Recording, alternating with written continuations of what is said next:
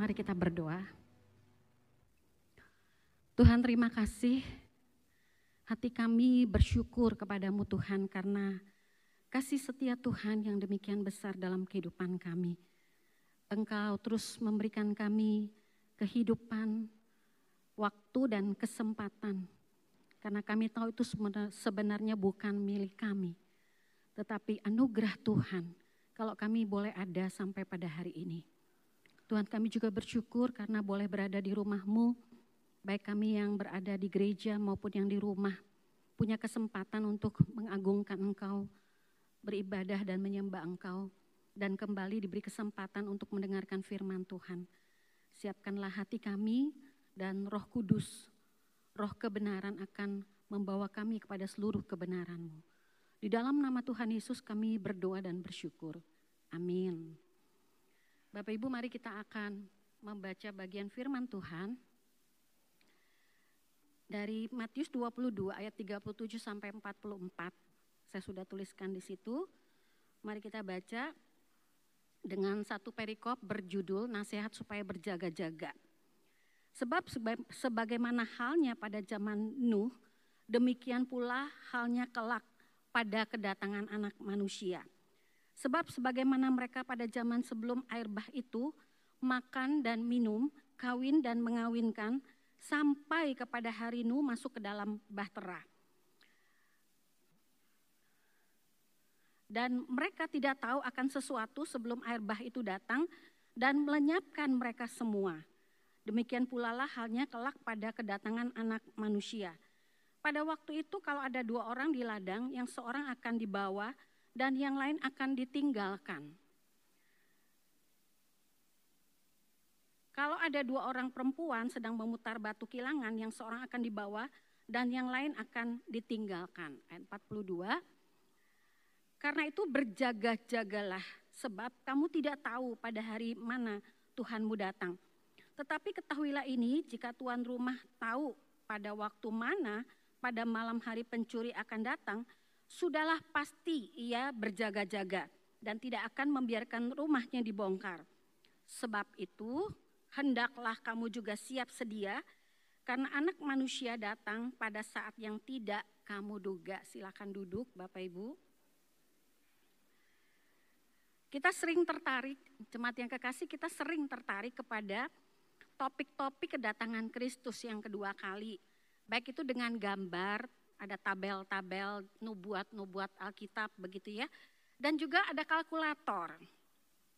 Karena ada selalu orang yang berusaha untuk menebak hari dan jam kedatangan Tuhan.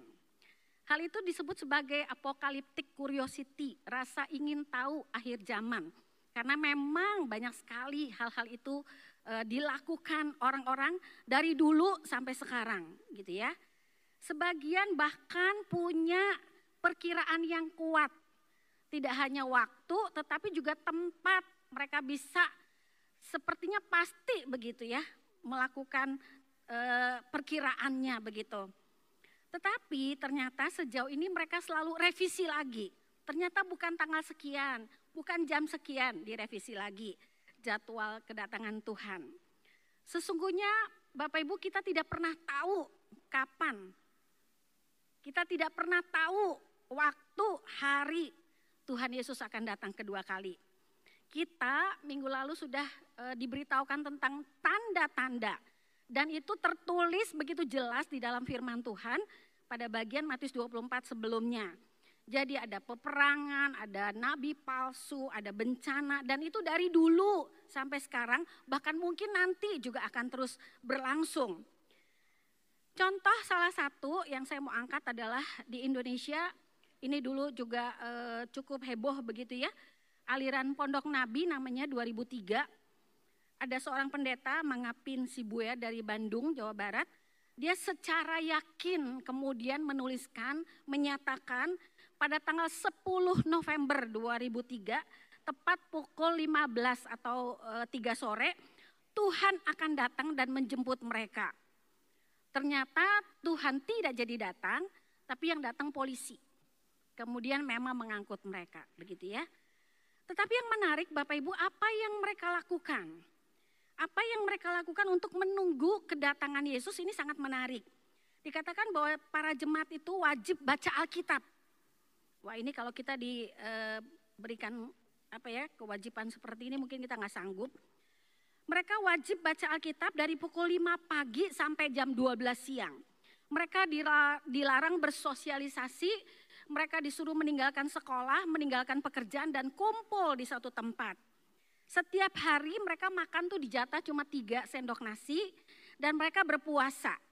Berpuasa ada yang sehari, dua hari, seminggu gitu ya tanpa makan dan minum. Bapak Ibu tentu bukan ini yang Tuhan mau. Dan tentu hal ini juga tidak benar. Karena bukan ini yang Tuhan maksudkan bagi kita ketika kita mau menunggu Yesus datang kedua kalinya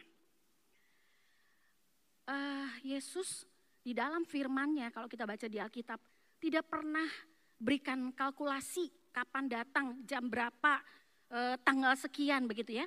Tetapi yang dia inginkan adalah satu preparasi atau persiapan. Itu bukan hal yang uh, menjadi penting bagi Tuhan ketika dia katakan.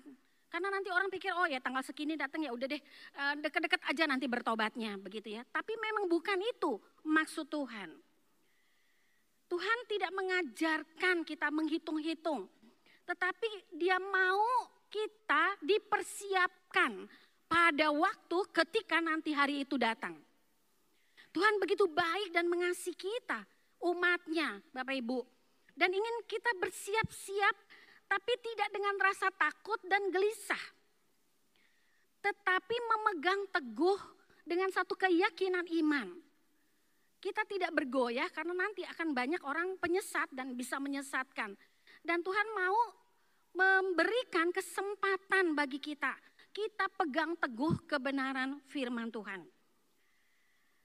Seorang uh, teolog Anthony Hukema dia berkata begini, dia menjelaskan bahwa dalam perjanjian baru Alkitab itu uh, karena topik ini paling banyak dibicarakan dan topik di dalam eh, perjanjian baru itu memastikan kedatangan Tuhan Yesus. Tema kedatangan kedua kali ini terdapat di seluruh Alkitab. Kalau Bapak Ibu baca Injil, Matius, Markus, Lukas, itu Yohanes, sampai nanti ke rasul-rasul begitu yang menulis uh, Paulus dan beberapa rasul, mereka memastikan akan kedatangan Kristus. Semua ada pembicaraan tentang kedatangan Kristus, tapi tidak ada memastikan kapan tanggal, jam, bulan gitu ya nggak ada. Dan Tuhan sendiri sudah berkata bahwa seorang pun nggak tahu, bahkan Yesus pun nggak tahu, cuma Bapa sendiri. Tetapi hal ini bukan berarti kedatangan Tuhan nggak pasti begitu, bukan. Tetapi yang menjadi tugas kita adalah berjaga-jaga. Dan itulah tadi yang kita baca ya, Bapak Ibu, tugas kita adalah berjaga-jaga ayat 42 eh, tadi. Di dalam Matius 24 yang kita baca dan masih banyak di tempat lain, Bapak Ibu, pembahasan akhir zaman sebenarnya diberikan dalam konteks pastoral atau penggembalaan. Matius 24 ini sebagai sesuatu yang sangat concern Tuhan katakan kepada para murid dan beberapa tempat-tempat lain di dalam Injil bertujuan untuk menguatkan, memperingati untuk jemaat. Ini bukan untuk uh, sekedar supaya kita tahu atau orang percaya tahu gitu punya pengetahuan atau juga untuk menakut-nakuti karena biasanya eh, kisah-kisah tentang kedatangan Tuhan itu selalu uh, luar biasa dahsyat begitu ya. Tetapi enggak begitu. Karena sebenarnya ada banyak ayat, contohnya ayat 6, Matius 24 ayat 6, di situ Tuhan katakan janganlah kamu gelisah, jangan kamu khawatir. Yohanes 14 juga bilang jangan kamu gelisah, percayalah kepada Allah, percaya juga kepadaku, kepada Yesus Kristus. Itu merupakan penghiburan. Mereka nggak boleh gelisah, nanti waktu ditinggal Tuhan Yesus pun jangan gelisah. Nah ini penggembalaan, pastoral yang sangat dalam yang ingin diberikan oleh Yesus kepada para murid dan juga sampai hari ini buat kita. Kemudian ayat 42 tadi yang kita baca, berjaga-jagalah. Itu menjadi sebuah peringatan. Waspadalah. Nah kata-kata ini yang dipakai Bapak Ibu. Jadi Yesus itu sebenarnya memberi kekuatan, penghiburan, serta peringatan untuk kita agar selalu waspada. Jadi juga nggak boleh main-main. Tetapi ini sesuatu yang pasti, cuma waktunya kayak misteri begitu ya. Tetapi di tengah nanti ada deru perang, ada bencana-bencana, kita udah serem begitu. Tidak. Tetapi Tuhan bilang kita memang perlu berjaga, tetapi jangan khawatir, jangan gelisah. Nanti sampai seterusnya peristiwa itu akan datang terus. Nggak usah heran begitu. Karena apa yang akan difirmankannya itu pasti terjadi. Kata berjaga-jaga, Bapak Ibu, di dalam bahasa Yunani-nya itu berarti uh, kita nggak boleh tidur, tetap terjaga, tidak tertidur seperti gadis bodoh, lima gadis bodoh, lima gadis yang berhikmat itu tidak tertidur, tetapi selalu siaga, bersiaga, aktif dan bangun. Dan kata berjaga-jaga itu ditulis dalam bentuk imperatif masa kini artinya keadaan siap siaga itu terus menerus mulai masa sekarang pada masa sekarang. Bukan nanti Tuhan Yesus akan datang nanti, enggak. Jadi udah dimulai siap siaganya itu sekarang. Dan kata ini bukan untuk menunjuk pada satu sikap intelektual aja.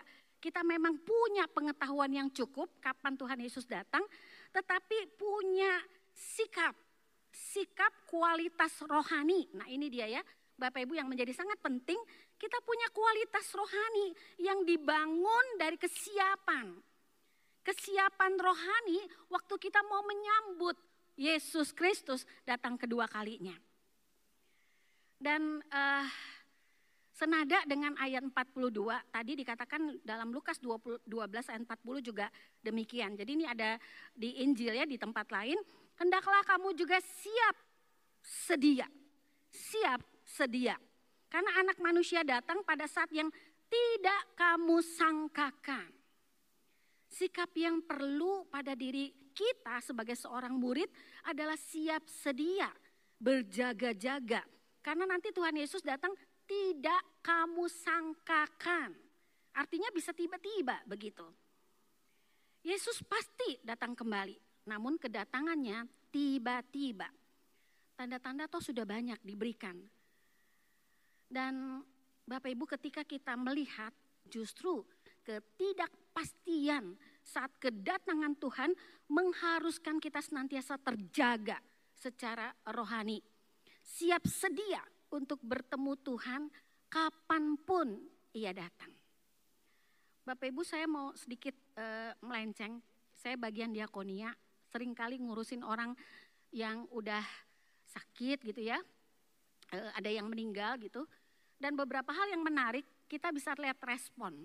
Respon itu adalah gini, ada orang yang waktu sakit kita udah wah sakit ya kasihan begitu. Tetapi orang yang sakit justru bilang saya udah siap kapan pun dipanggil Tuhan.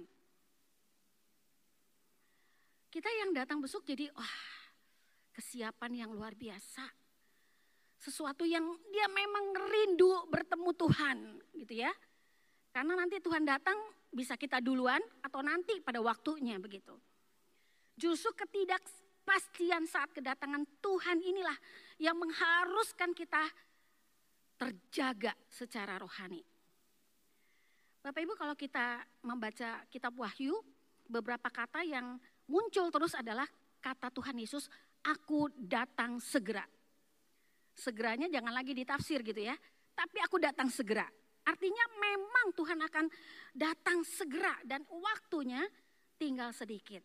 Jadi mengapa kesiagaan ini sekarang ya seperti tadi kata Groger Greo itu bukannya pada masa yang akan datang dan orang berpikir ah nanti aja deh e, belum ada e, Tuhan juga itu kan katanya doang dan Alkitab dari dulu 2000 tahun lagi juga 2000 tahun yang lalu juga ada yang kemudian e, selalu mengkritik katanya Tuhan mau datang, kok nggak datang-datang? Nah begitu ya. Tetapi ini bukan masalah tanggal waktu dan jam, tetapi kesiapan rohani yang Tuhan minta dari sekarang untuk kita menyambut kedatangan Tuhan. Memang bisa setahun, dua tahun, tiga tahun lagi, sepuluh tahun kita nggak tahu. Tetapi Tuhan pasti akan datang. Dan itulah yang tersembunyi dari kebenaran firman Tuhan. Karena di Alkitab pun tidak jelas ada tanggal, waktu dan sebagainya. Tetapi ada tiga gambaran yang diberikan pada uh, ayat yang kita baca tadi. Tuhan Yesus memberikan tiga gambaran tentang kedatangannya yang tiba-tiba ini. Dari tiga peristiwa, pertama peristiwa air bah di zaman Nuh, kemudian ada pemisahan, dua orang sedang uh, biasa di kilangan katanya begitu ya, bekerja lah begitu. Kemudian ada tuan rumah dan pencuri. Dari tiga peristiwa ini, tiga kisah ini, semuanya tiba-tiba akan terjadinya kedatangan itu. Memberikan perbandingan bagi kita tentang kedatangannya yang tiba-tiba. Nah ilustrasi yang pertama saya mau mengangkat e, peristiwa air bah. Pada waktu mereka hidup, mereka biasa sehari-hari melakukan pekerjaan. Tetapi Nuh adalah orang yang dipanggil Tuhan untuk memberitahukan bahwa nanti ada hukuman bagi orang pada zaman itu mereka sudah diberitahukan terus menerus, terus menerus ya. Jadi mereka tidak punya alasan tidak dengar. Bapak Ibu kalau hari ini pemberitaan tanda-tanda zaman itu sudah diberitahukan terus menerus, sebenarnya kita nggak ada alasan lagi untuk tidak dengar. Jadi sama kayak pada zaman Nuh. Cuma mereka tidak mau tahu. Nah itu dia ya. Mereka tidak mau percaya apa yang dikatakan oleh Nuh mereka tenggelam dalam hidup duniawi, tidak mengindahkan peringatan Tuhan. Mereka tidak pernah berpikir untuk kekekalan. Mereka pikir hari ini saya mau senang-senang, ya saya lakukan. Ketika saya mau uh, lakukan apa pun yang menyenangkan hati saya, ya saya lakukan. Ini aneh nih satu nih yang ngomong begitu ya. Pasti Nuh adalah orang yang paling aneh pada masa itu. Karena memberitahukan hukuman Tuhan sebentar lagi loh akan datang nih air bah dan mereka pikir ini aneh nih orang ngomong, orang kita biasa-biasa aja, nggak ada tanda apa pun begitu ya. Jadi mereka tidak pernah berpikir untuk kekekalan karena tidak mengindahkan peringatan untuk bertobat, berbalik pada Tuhan. Bapak Ibu, sehingga ketika air bah itu datang mereka tidak selamat. Mereka tidak siap untuk hal itu. Gambaran pencuri, gambaran orang yang sedang bekerja dengan batu kilangan juga sama. Dengan tiga ilustrasi ini, Yesus ingin mengingatkan kita, Bapak Ibu. Kehidupan di zaman akhir ini, kita sebut masa penantian, adalah kehidupan yang berjalan sehari-hari sebagaimana biasa kita lakukan, namun bisa tiba-tiba berakhir. Bisa tiba-tiba berakhir. Tanda-tanda sudah banyak. Kita udah dikasih tahu sedemikian rupa. Tiba-tiba kita bisa berakhir. Mari kita mempersiapkan diri dengan memperhatikan hidup kita dan waktu yang masih diberikan Tuhan kepada kita. Jangan kita tidak peduli dan jangan kita tidak percaya kepada apa yang difirmankan oleh Tuhan. Karena itu apa yang difirmankan pasti terjadi. Dalam masa penantian ini, mari saya mau mengajak kita untuk secara praktis ketika kita menantikan kedatangan Tuhan dan berjaga-jaga, apa yang kita lakukan? Mari pertama, tidak seperti pondok Nabi tadi ya, meninggalkan pekerjaan.